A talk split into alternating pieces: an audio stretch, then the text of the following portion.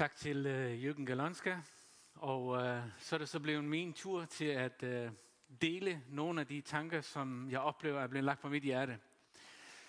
Jeg kan ikke forestille mig andet end, at jeg tror, der er rigtig mange ligesom mig, som begynder at virkelig savne det at være sammen og være sammen i et fællesskab. Og det er klart, det skaber en masse refleksioner, det skaber en masse tanker om, hvorfor sker de her ting, som det sker, og uh, hvor er Gud i alt det her. Men jeg tror bare, det er utrolig vigtigt, at i netop sådan en periode, i sådan en fase, vi er igennem, at vi også minder hinanden om, hvad er det egentlig, vi tror på? Hvad er det egentlig, vi bygger vores liv på? Hvad er det egentlig, der får lov til at styre vores tanker, vores følelser, vores handlinger? Og der er det vigtigt, at fundamentet i os er på plads. Og øh, noget af det, vi skal deles, dele sammen her, det er overskriften, Gud er større. Og bare det i sig selv siger utrolig mange ting.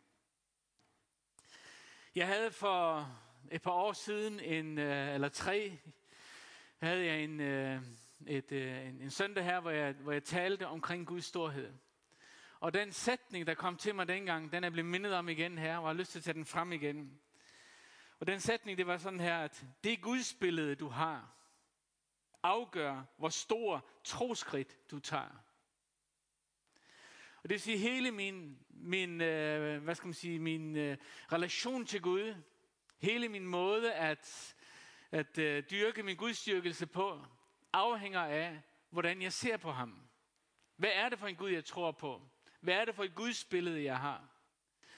Og jeg tror, at netop det med at have et gudsbillede, og have et ret gudsbillede, er det, der afgør, hvordan vi har det i vores hverdag. Og hvad det er for noget, som øh, ligesom får lov til at styre vores tanker, vores følelser og vores handlinger. Øhm, da jeg var i min unge alder, så oplevede jeg på et tidspunkt en Guds oplevelse, hvor Gud kaldte mig. Og øh, jeg, over, jeg tog en beslutning om, at jeg vil tjene Gud resten af mit liv. Og jeg blev klar over, at noget af det, jeg skulle tjene ham med, det var, at jeg skulle arbejde med forkyndelse.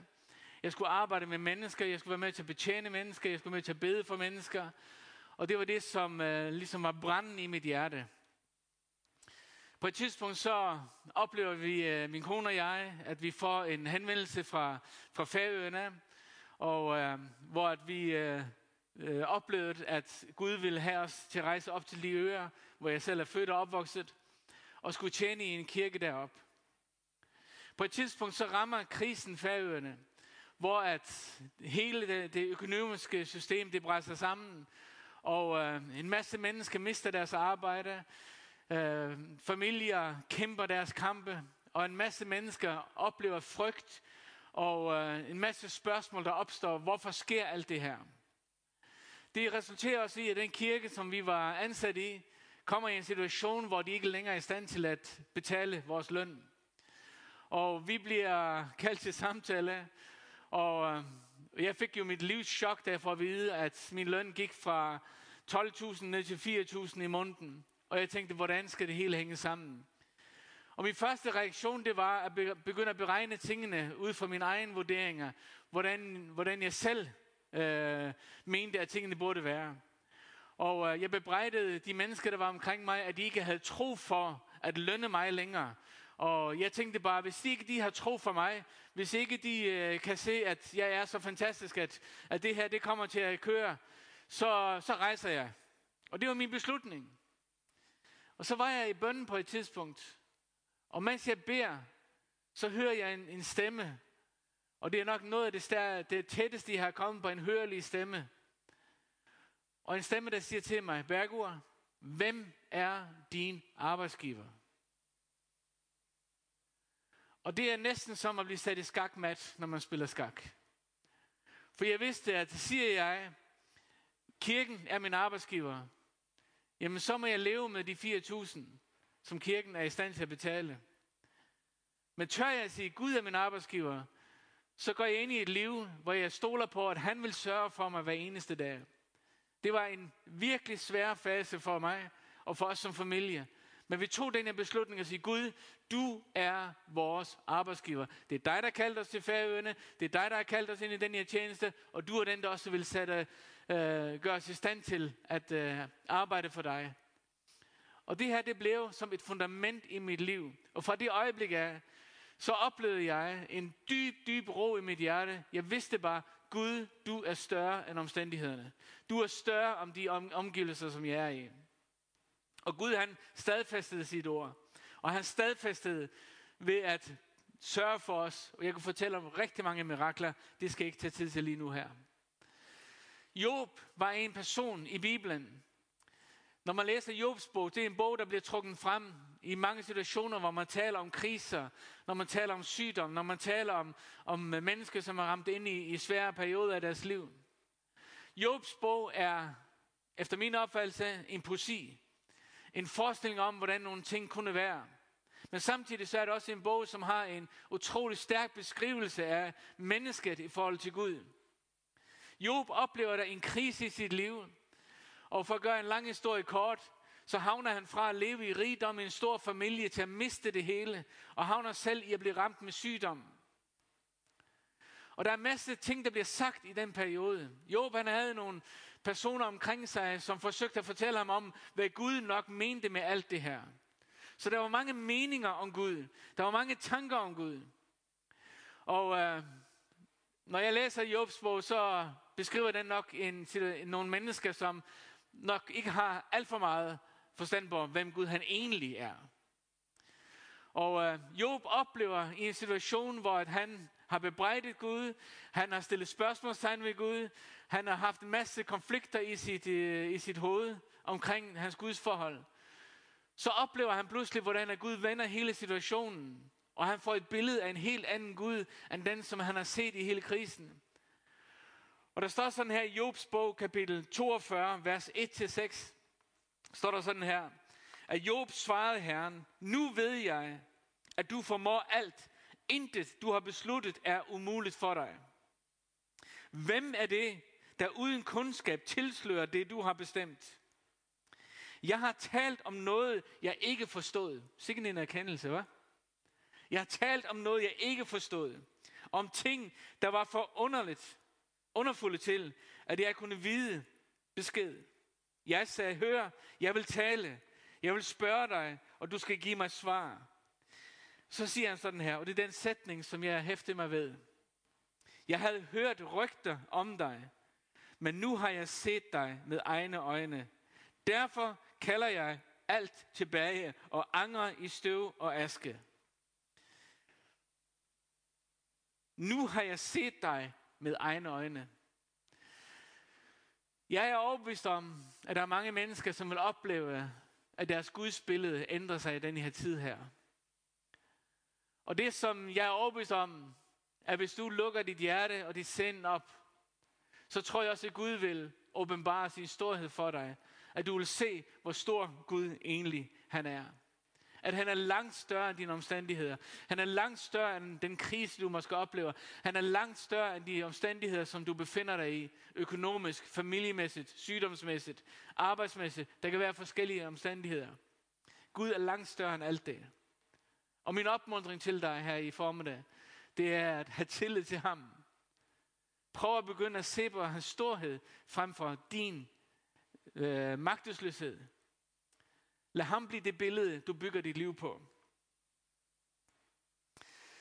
Et ord, som nok mange støder inde i den her tid her, det er ordet bekymring. Og øh, det ligger i os. Det at bekymre sig, kan meget nemt være noget, som tager virkelig fat i os, og bliver en negativ faktor i os. Jeg siger ikke, at det ikke er okay, at man en gang imellem måske har en lille snært af bekymring.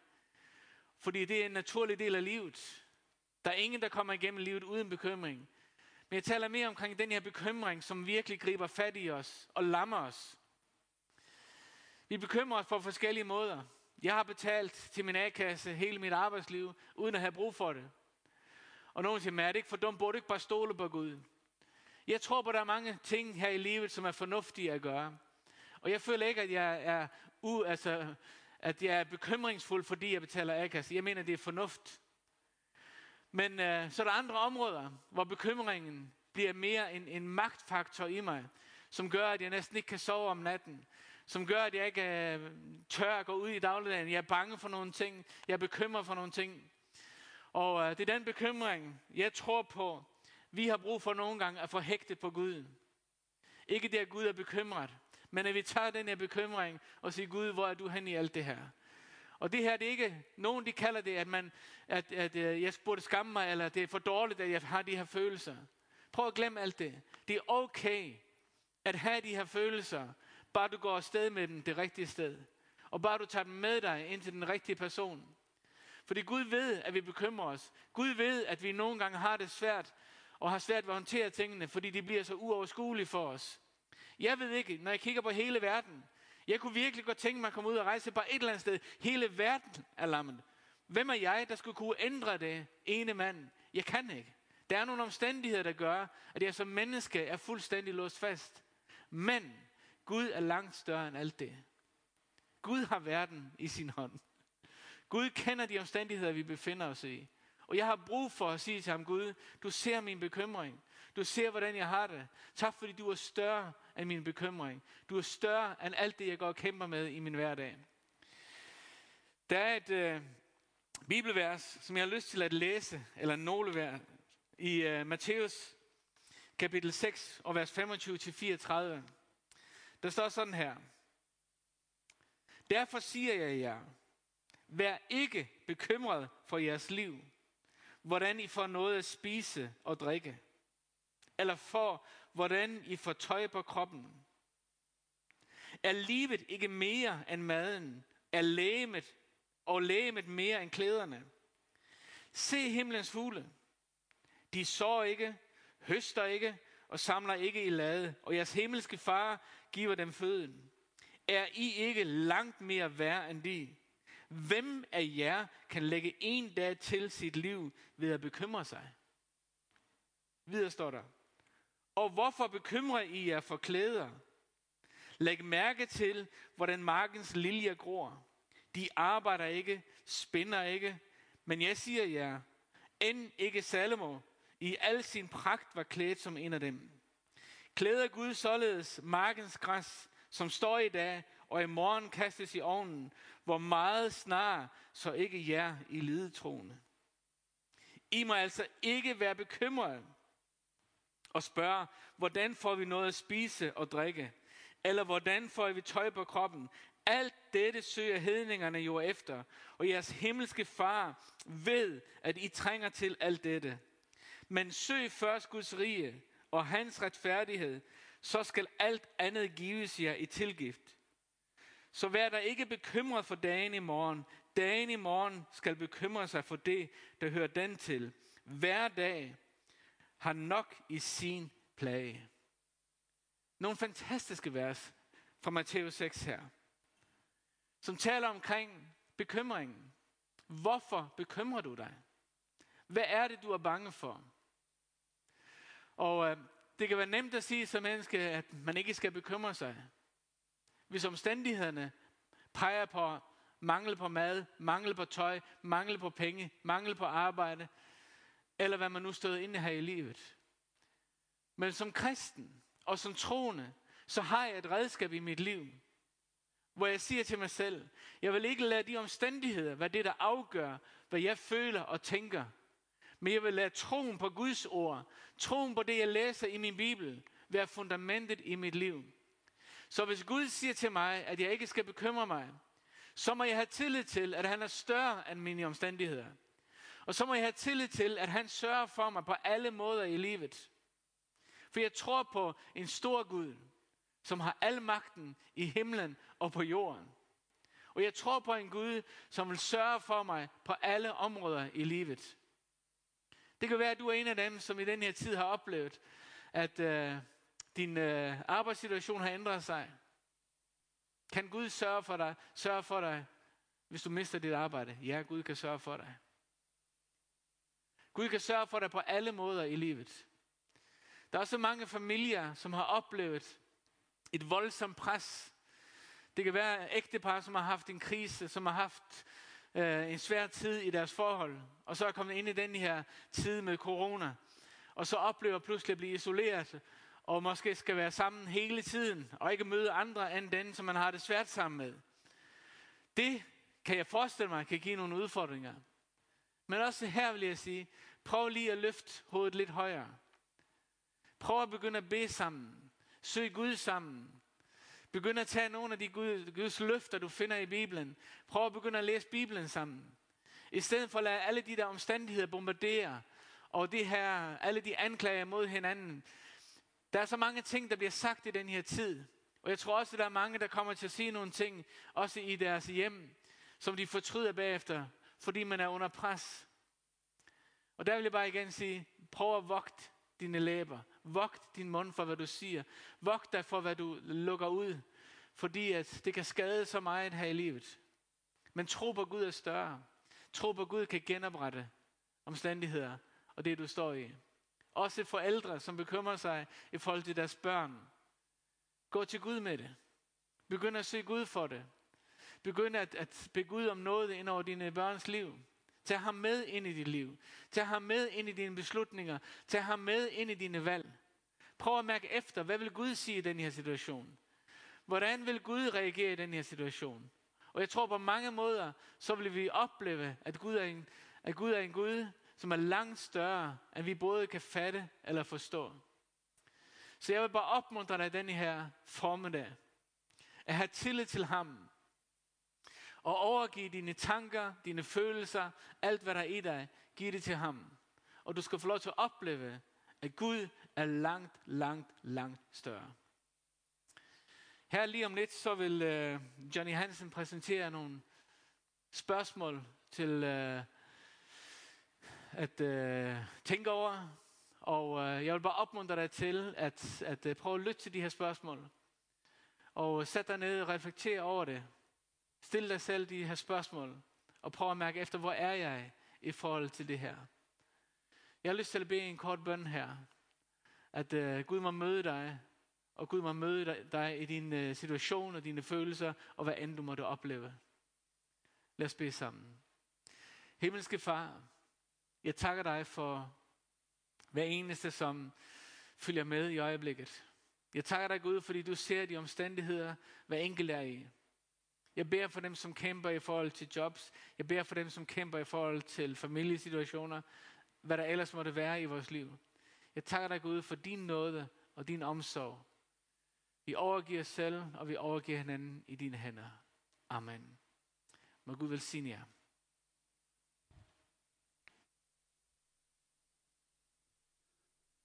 Tusind tak for det, Bergård dejligt ord, og som sagt, så kommer der lige om lidt nogle spørgsmål, som man kan reflektere over, øh, enten med sig selv, eller med dem, man måske sidder sammen med.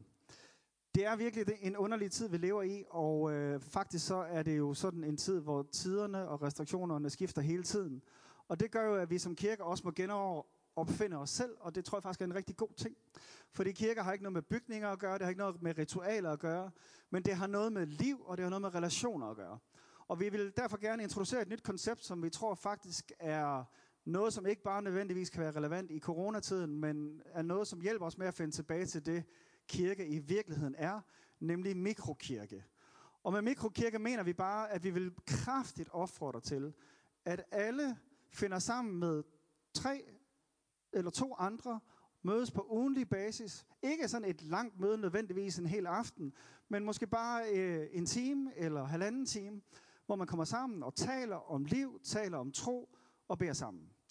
Og øh, det kan man gøre øh, fysisk, hvis det er muligt, hvis inden for de restriktioner, der er, eller man kan gøre det online, man kan gøre det via telefon, man kan gøre det på mange måder nu til dags. Messenger, Zoom, Meet og hvad der ellers er. Men der findes også helt almindelige telefoner. Det kan også være, at man bare går en tur sammen en time og deler liv.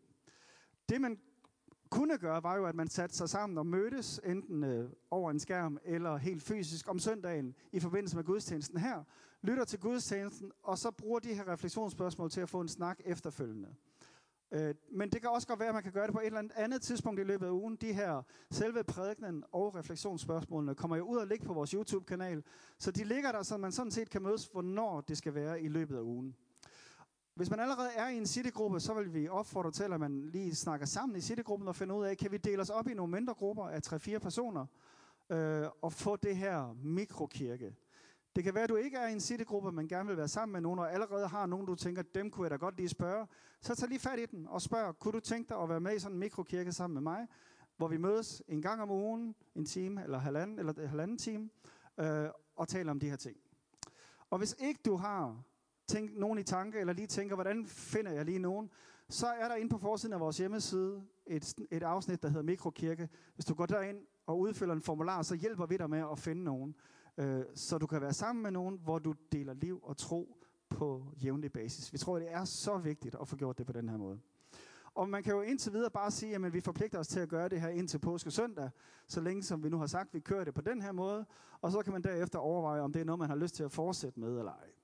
Man skal heller ikke bruge søndagens øh, budskab øh, som oplæg til det. Det kan være, at man bare mødes og stiller hinanden de to spørgsmål. Hvad taler Gud til dig om lige for tiden? Og hvad vil du gøre ved det? Øh, det kan man faktisk få ret meget snak ud af alene at gøre det.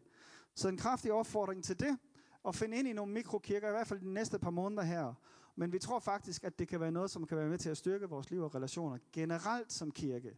Øh, så uagtet hele den situation, vi er i, vil vi meget opfordre til, at du finder sammen med nogen, som kommer tæt på dig, og som du deler liv og tro med på regelmæssig basis.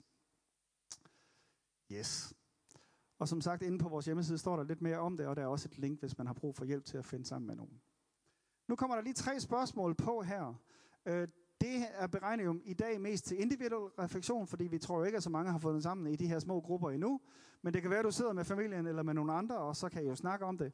Fremover så øh, kommer de som sagt til at være der hver eneste søndag, og så er de lagt op til, at man sidder sammen, tre eller fire mennesker, og øh, kan bruge det her som udgangspunkt for en snak måske.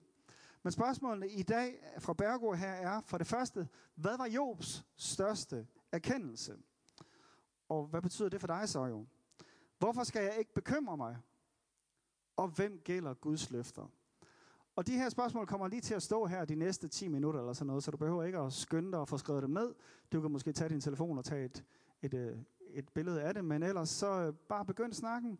Lige at sige, hvad for et af de her spørgsmål siger egentlig mig mest, og hvad har jeg gjort mig af tanker om det? Og øh, så kunne jeg jo passende også bede, øh, slutte af med at bede sammen. Tusind tak for nu.